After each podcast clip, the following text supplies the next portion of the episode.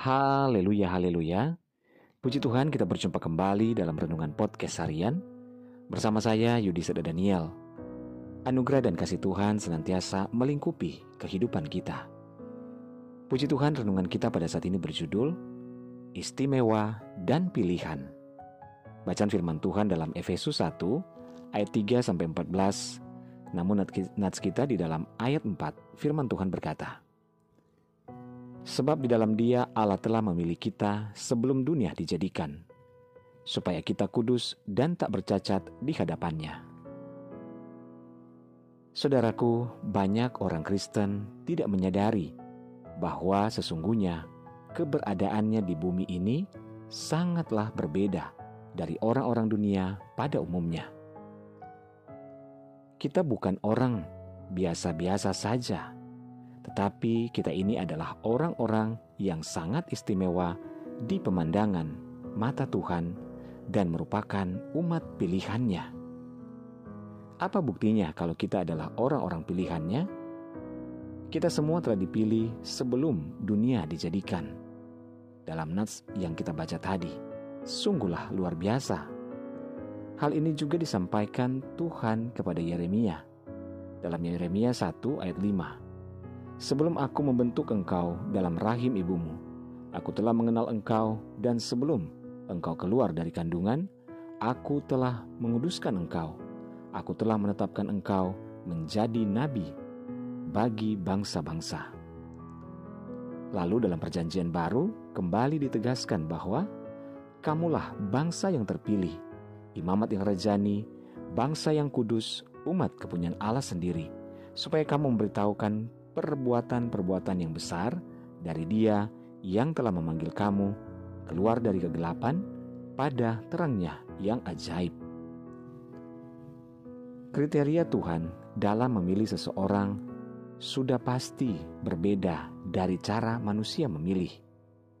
Yang jelas, Tuhan tidak akan pernah salah dalam memilih seseorang, dan Ia juga tidak pernah menyesali apa yang telah dipilihnya.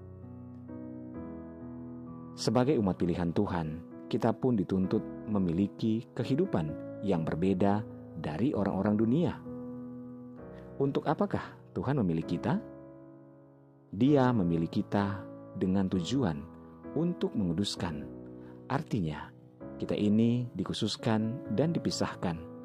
Melalui karya penebusan Kristus di atas kayu salib, kita memperoleh pengampunan dosa kita yang sebelumnya berada dalam kegelapan masuk kepada terangnya yang ajaib di dalam keselamatan. Oleh karena itu saudaraku, marilah kita hidup dengan sungguh-sungguh. Rasul Petrus menasehatkan, hiduplah sebagai anak-anak yang taat dan jangan turuti hawa nafsu yang menguasai kamu pada waktu kebodohanmu. Tetapi hendaklah kamu menjadi kudus di dalam seluruh hidupmu, sama seperti Dia yang kudus yang telah memanggil kamu. Banyak orang Kristen hidup sembrono, memandang rendah pengorbanan Yesus sehingga hidupnya tidak jauh berbeda dari orang-orang dunia, sehingga hidupnya tidak menjadi kesaksian, padahal kita telah dipilih Tuhan begitu rupa. Saudaraku, marilah menjadi orang yang berbeda, karena kita adalah orang-orang pilihan Tuhan yang telah dikhususkan Tuhan Janganlah menjadi serupa dengan dunia ini, tetapi berubahlah oleh pembaharuan budi kita pada menjadi seperti karakter Kristus yang Tuhan inginkan. Haleluya. Mari kita berdoa. Tuhan Yesus terima kasih kami bersyukur buat firman-Mu saat ini. Tuhan kami bersyukur kami adalah orang-orang pilihan yang istimewa di hadapan Tuhan. Bapak terima kasih buat anugerah-Mu dan kami serahkan hidup kami biarlah terus dalam pimpinan Tuhan. Bapak hamba berdoa menyerahkan seluruh pendengar dengan podcast harian ini di mana pun berada, baik yang ada di Indonesia maupun di seluruh mancanegara.